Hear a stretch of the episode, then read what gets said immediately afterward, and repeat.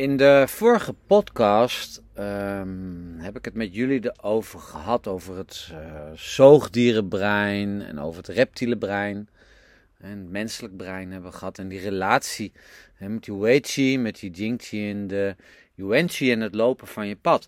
En aan het einde van de podcast ehm, heb ik jullie toen ook verteld ehm, dat we in de volgende podcast verder zouden gaan met de vijf entiteiten die in de yin-organen huizen want elk van de uh, vijf yin-organen biedt een woonplaats. eigenlijk voor zo'n spirit, voor zo'n geest. Um, zo'n spirit of geest kan je ook wel vertalen met het mentale vermogen.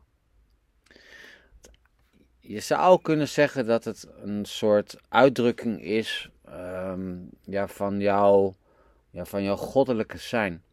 En die relatie tussen die vijf spirits, um, die omvat eigenlijk de mentale en spirituele aspecten van jouw zijn. En die vijf spirits die stellen jou hè, als persoon in staat um, om jouw lot te manifesteren. dus die vormen jou, jou, jouw pad. dus die vijf spirits die stellen jou in staat om jouw pad te lopen, maar eigenlijk ook om jouw pad te veranderen want het is natuurlijk niet een, een, een onbewust pad. je, je loopt jouw pad, je leeft jouw leven. Maar er zit natuurlijk ook wel een stuk bewustzijn in of bewustzijnsvorming in. maar die vijf spirits, die vormen dus eigenlijk een soort impuls. En die kunnen eigenlijk jouw Ming beïnvloeden, jouw bestemming beïnvloeden. en in die Ming, in die bestemming zit eigenlijk ook een soort aangeboren potentieel. En die vijf spirits die kunnen eigenlijk die impuls geven om jouw aangeboren potentieel aan te wakkeren. En ja, die vijf spirits zijn natuurlijk niet voor iedereen hetzelfde. want die vijf spirits, die maken van jou een uniek individu, een uniek persoon maar in jouw groeitijd, in jouw bloeitijd, van jeugdige naar volwassenen, heb je dus eigenlijk ook die steun nodig van die um, vijf spirits. En het is ook altijd mooi als deze gezond zijn en ehm, ook in harmonie zijn en ook in harmonie zijn um, met elkaar. en dan komen we eigenlijk ook op dat stukje van, ja, van spiritueel afstemmen. Want ja, weet jij als persoon hè, wat die spirits jou te vertellen hebben? Hè? Want wellicht blijven ze op bepaalde mensen stil of jij drukt ze weg. Hè, dus het is erg goed om in onderzoek te gaan wat die, ja, wat die vijf spirits jou te, te vertellen hebben, omdat ze erg van belang zijn voor jouw lichamelijke, emotionele en uh, mentale uh, bewustzijn. En ja, als je dan in disbalans bent, dan is natuurlijk ook een uh, gezonde gen, een gezonde geest, uh, geest ook een basis voor ja, een positieve uh, prognose voor herstel. Dan de eerste mentale entiteit gaan pakken, die van de longen. Um, hè, dan is dat de po, of de po, of de po. En ja, dat is, dat is eigenlijk de spirit die in de longen verblijft. En de post zelf, um, die wil ook het liefst aan de aarde gebonden zijn. dus het gaat de po eigenlijk ook om een fysieke ervaring te hebben. en die fysieke ervaring, die bestaat dus eigenlijk ook al uit het bestaan van de po in het, in het lichaam zelf het, is, het is dat deel wat de sensaties uh, geeft van pijn, van plezier. En ja, die eigenlijk dus steeds te maken heeft uh, met de menselijke, menselijke ervaring. dus denk, ja, denk daarbij met name ook aan emoties en gevoelens. en die por die heeft te maken met de longen en de longen hebben weer te maken met de ademhaling. En door de ademhaling haal je eigenlijk de buitenwereld naar binnen dus je krijgt eigenlijk het proces van inademen, haal je de wereld naar binnen, maar ook weer van het uitademen, waarmee je eigenlijk ook weer um, kan loslaten. En als je inademt, dan omarm je in die zin daarmee die ervaring van het leven. daardoor kan je dus alles voelen en ook betekenis aan jouw zijn geven. Ehm, denk bijvoorbeeld ook aan als een, als een ervaring dusdanig hevig is en dat je niet alles kan verwerken van wat je ziet of van wat er binnenkomt. En dan zie je ook dat je, dat je stopt met um, ademhalen. of uh, ja, niet alleen stoppen, maar je kan bijvoorbeeld ook uh, oppervlakkig gaan ademhalen. Hè? Of alleen maar boven in de borst gaan ademhalen. Dus er komt minder zuurstof binnen, um, minder, minder diep. En dat zie je ook dit terug bij kinderen die het moeilijk hebben um, hè, met ervaringen die hun emotioneel uitdagen. En de meeste peuters en kleuters, hè, die halen eigenlijk van nature adem door een buik. Hè. Ze zijn nieuwsgierig naar de wereld. Um, treden ook heel makkelijk in contact met de wereld. Hè. Uh, staan ook te popelen om die wereld binnen te halen. Maar als, zij, hè, als er dan iets zo gebeurt met een kleutertje of met een peutertje, hè, ze zijn heel erg overstuurd, dan zie je ook dat ze hun adem inhouden. Hè, en misschien dan zelfs helemaal blauw, uh, blauw um, aan kunnen lopen. En dat zullen ze ook dan heel lang vol kunnen houden. en dat zou je eigenlijk dus kunnen zien als een poging van deze spirit eigenlijk om um, deze ervaring um, um, als het ware in te pakken. want door dat minder ademen voelen ze dus eigenlijk ook die ervaring minder. En dat is natuurlijk niet alleen maar met kleutertjes en peutertjes, hè, maar dat is ook met, uh, met, uh, met de andere leeftijden, ook in de volwassen tijd. Hè. Dus als je minder ademt, hè, dan voel je dus die emoties minder. En op het moment dus dat jij oppervlakkig gaat ademen, dan neem je dus ook minder zuurstof op. En dat, hè, die, die lagere zuurstofopname, en die zet die Weiqi um, op scherp. Die Weiqi is natuurlijk weer die bescherming ook tegen die, tegen die buitenwereld. En ook die Weiqi, en die moet dan weer kalmeren. dus dat peutertje, kleutertje, maar nogmaals ook de volwassenen. Op het moment dat die zich weer veilig genoeg voelen om terug te keren naar die natuurlijke, natuurlijke buikademhaling, dan komt eigenlijk pas de mogelijkheid om te, om te kalmeren en ja, dat kalmeren gebeurt vaak bij een peutertje, kleutertje, om ze te troosten, om ze op schoot te nemen, om ze te omarmen. Zodat dat rustgevende aspectje komt. Ze kunnen weer terug naar een buikademhaling. en die weightie die op scherp stond, die kan zich weer ontspannen. Eigenlijk gebruik je dus die, die ademhaling van die po, om die weightie respons, dat op scherp gaan staan, een soort fight or flight idee, om die te reguleren. Denk aan mensen die onder stress staan of zich ongemakkelijk voelen. Die krijgen ook een andere ademhaling. Dat middenrif dat vernauwt zich. Die ademhaling gaat zich beperken tot die hogere delen van de longen. Ook weer minder zuurstof binnen en ook minder informatie krijg je binnen. Dus als je iemand in je praktijk krijgt en die heeft dus een hoge oppervlakkige ademhaling. En dan kan je dus die link dus nu zetten met die Weiqi. En dan kan het dus ook zijn dat die cliënt, misschien heeft hij wel niet geleerd om goed te ademhalen, maar het kan ook een aangeleerd mechanisme zijn om minder informatie van buitenaf binnen te krijgen. Andere kant van de medaille is, als die Weiqi zo op scherp staat, dat hij ook dus uh, ontzettend hypergevoelig wordt. En dus de persoon die oppervlakkig ademt kan dan zeer angstig zijn, kan gemakkelijk schrikken. Die kan ook last hebben van slapeloosheid hè, of zelfs um, spijsverteringssysteem um, symptomen hebben. en ja, zelfs als volwassene kan je dan bijvoorbeeld ook denken van wow, weet je, ik, ik mis mijn moeder, want ik heb die knuffel nodig. En instinctief weet je dan dat je je ja, dat jouw wens is om je veiliger te voelen. En ook zodra je dus die knuffel krijgt, hè, um, ja, dan kan je dus weer veiliger voelen. En die weightie kan zich weer um, ontspannen. Ja, en natuurlijk is het zo dat die peuters, kleuters, die kunnen makkelijker geknuffeld worden. toch? Want als volwassenen hebben we dat niet meer nodig. We kunnen het, eigenlijk kunnen we het niet meer geven. En daardoor is dat gevoel van veiligheid ook weer moeilijker te bereiken.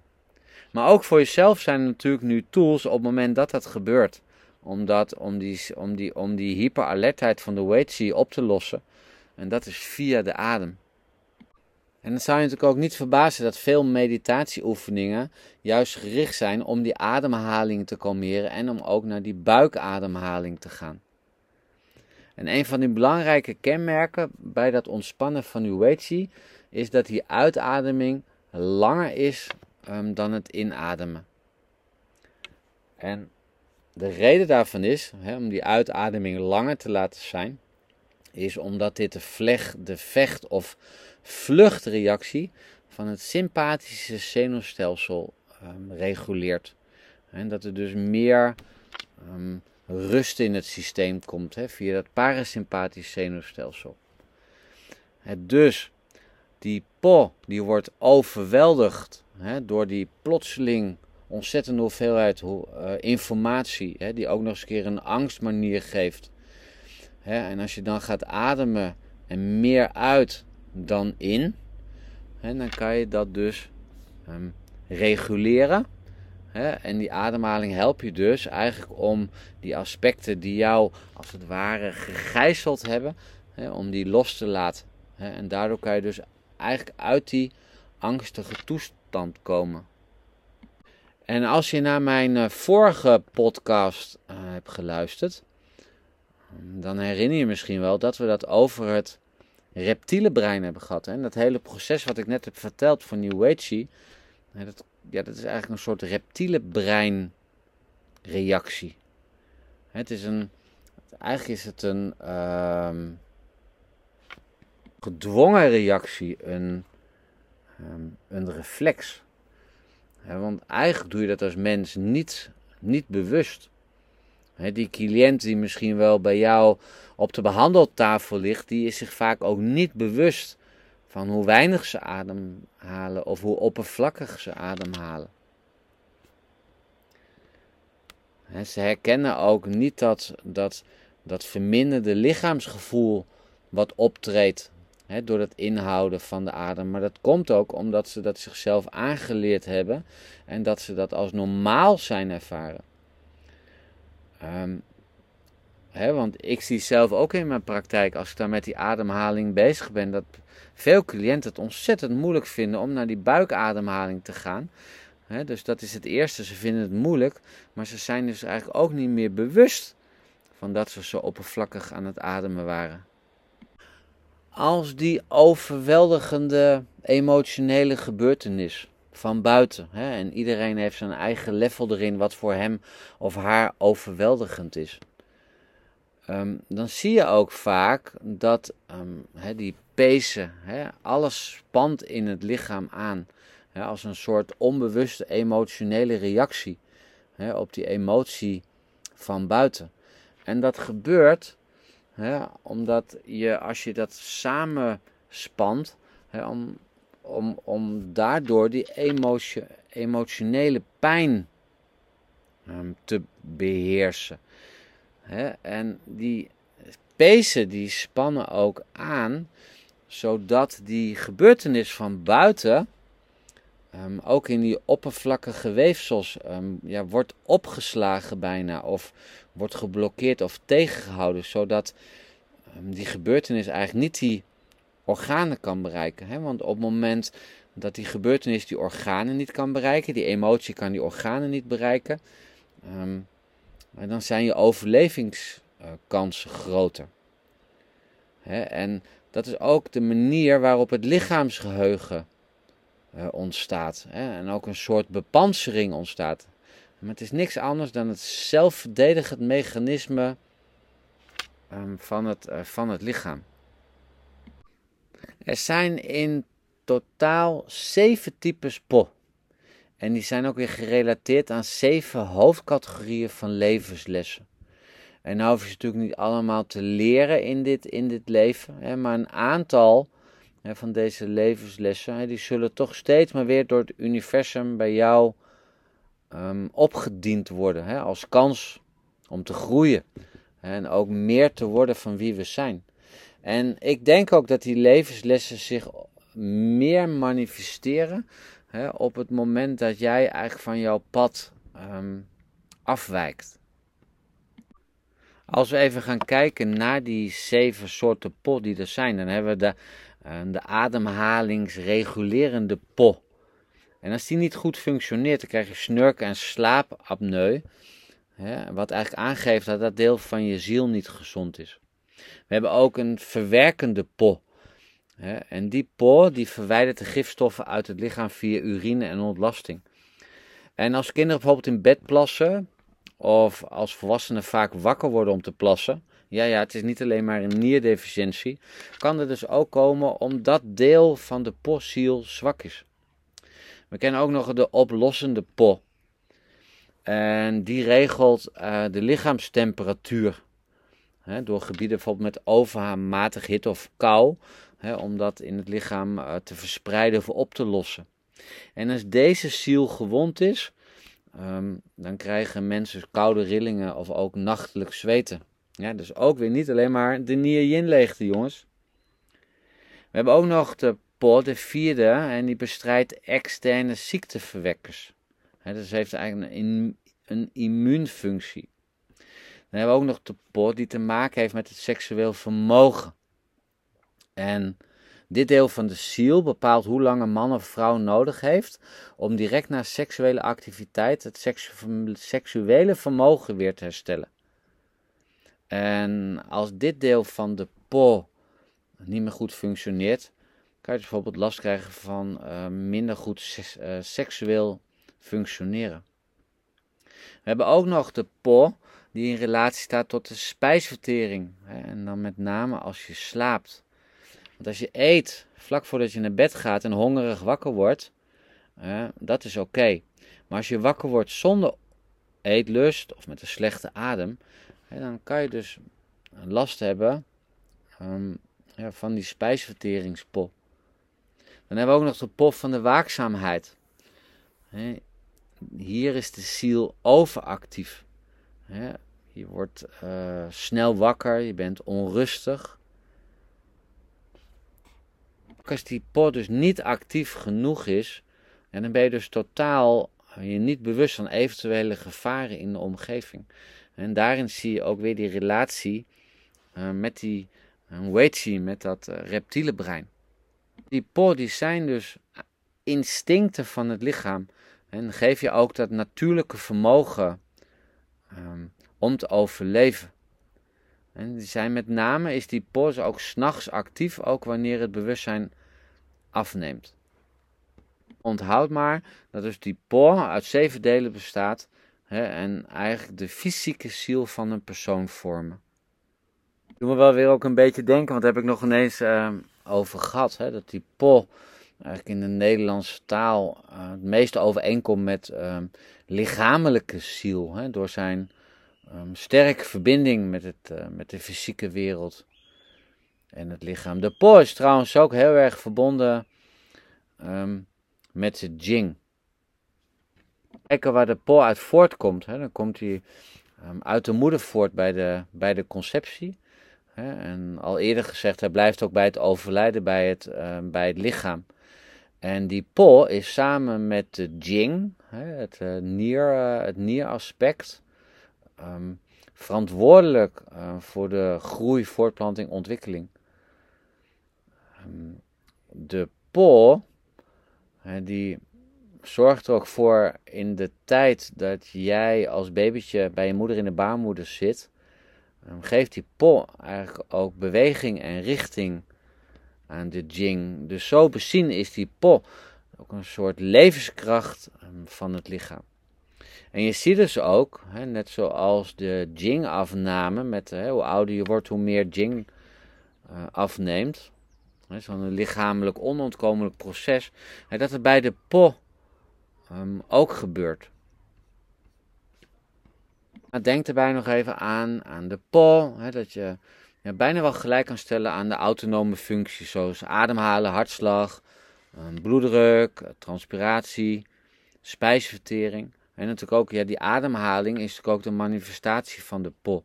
En die po is ook verantwoordelijk voor de fysieke beweging, de coördinatie met lopen, de balans met het lopen. En de, de po heeft ook een hele sterke verbinding met de zintuigen. Met horen, zien, ruiken, aanraken, maar natuurlijk ook pijn. En als die po in balans is, dan is ook het horen, zien, ruiken, het scherpe, ook de tastzin is prima. En met het jing-verval gaan ook die zintuigen achteruit. En ook de po. En daardoor gaat ook die perceptie van pijn en jeuk. Die kunnen daardoor ook um, um, verminderen. Dus die po heeft ook een nauwe band eigenlijk met jouw uh, zenuwuiteinden in de, in de huid. En als je dan toch over de huid hebt, denk dan bijvoorbeeld ook aan acupunctuur. Dus op het moment dat die naalden worden ingebracht, dan is het ook de pot die als eigenlijk eerste reageert. Hè? Het is ook die ontspanning die bij die cliënt optreedt, hè, is eigenlijk ook de ontspanning, uh, de ontspanning van de po.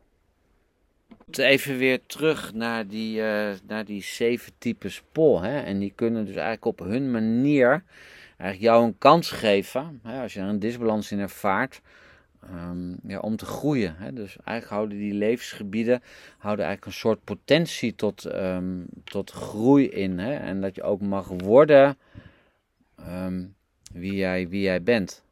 En ja, in elke levensfase is er eigenlijk een specifieke pol actief. En in die levensfase heb je ook die les te leren. En op het moment dat je die les geleerd hebt, kun je die por weer loslaten. En dan is dus ook het momentum dat die volgende les, die volgende um, po lesmodule arriveert, zou je kunnen zeggen. En als je dus een trauma ervaart in die tijd dat zo'n po actief is, ja, dan kan je die uh, natuurlijke levensles die zich op dat moment aangediend zou hebben, die belemmert die om, te, ontwikkelen. Dus dan staat eigenlijk het trauma op de voorgrond en niet de natuurlijke levensles. En daardoor kan eigenlijk een soort, um, ja, zeg maar, het wiel van het leven niet meer doordraaien. Hè? En dat trauma gaat dus die groei um, van jouw leven belemmeren. Hè? En daardoor kan jij je leven niet meer goed ervaren. In de vijf elementen dan bevindt de post zich in de longen. En de longen die um, bevinden zich weer in het element metaal. En metaal kenmerkt zich weer door connectie aangaan, spirituele. Hè, maar ook uh, met het rechtvaardig zijn. En metaal zelf heeft ook altijd een zekere hardheid in zich. En die hardheid die kan er ook weer voor zorgen dat de lessen die je te leren hebt niet goed doorkomen. Hè? Omdat je ze, ja, metaal heeft dus ook in zich om die lessen, als het ware, van zichzelf um, af te duwen. En daarom zie je ook vaak dat ook in dat metaalelement ook een zekere zin van eenzaamheid kan worden ervaren. En ook die eenzaamheid, dus als je vastloopt in het metaal, als je vastloopt in het leren van die lessen van die po, dat, je, dat dat ook gecombineerd gaat met een oppervlakkige ademhaling. Je gaat je verzetten tegen die pijnlijke les. En daardoor ga jij je meer loskoppelen van het leven van de mensen om je heen. En daardoor krijg je een gevoel van eenzaamheid.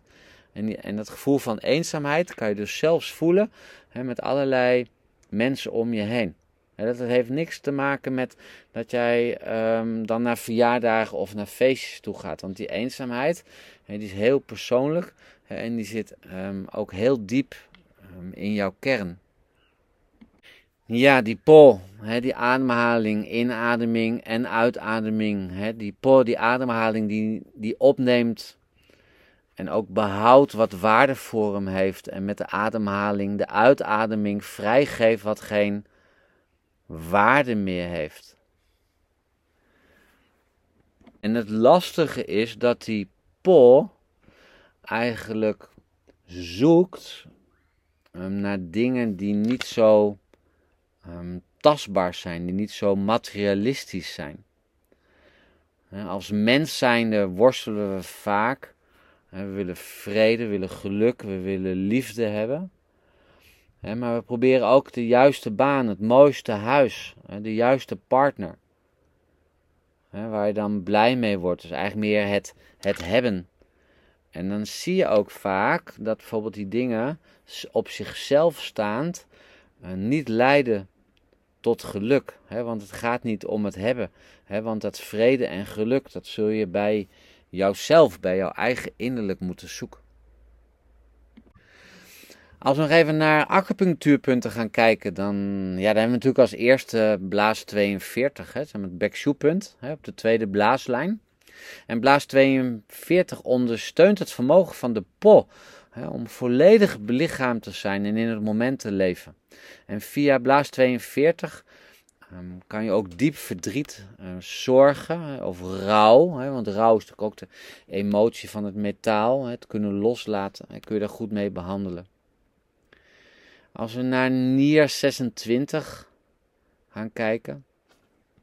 Nier 26 ligt in de eerste intercostale ruimte. Hè, en dan het zweetzoen uh, net buiten de middenlijn. En um, Nier 26 um, consolideert eigenlijk Jing en bloed in de borst. Hè, om eigenlijk ook de um, pop beter te laten functioneren. En ook om de, de deugd van de long, hè, die eigen kostbaarheid um, te laten zijn. Long 1, het frontmoepunt van de longen. En die geeft de longen extra kracht om die po eigenlijk een goede zetel te geven. Long 1 helpt uh, om het vermogen om op te nemen en los te laten, beter te laten functioneren.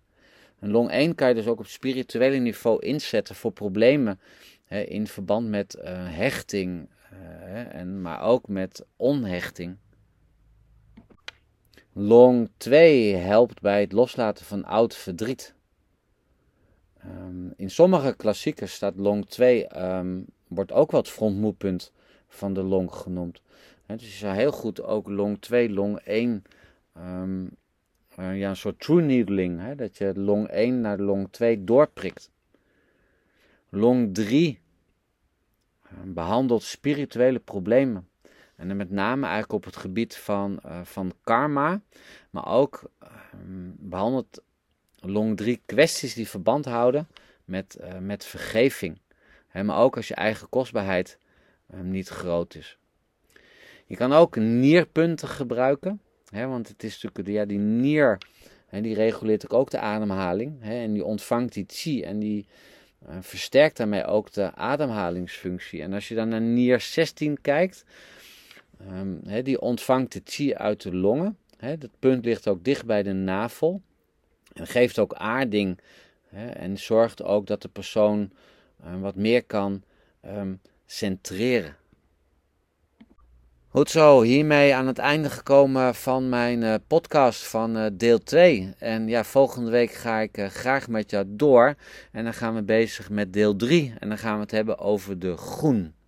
Dank je maar wel weer voor het luisteren. Mocht jij vragen hebben, kan je altijd een mailtje sturen naar info.tcmlover.nl Dank je wel.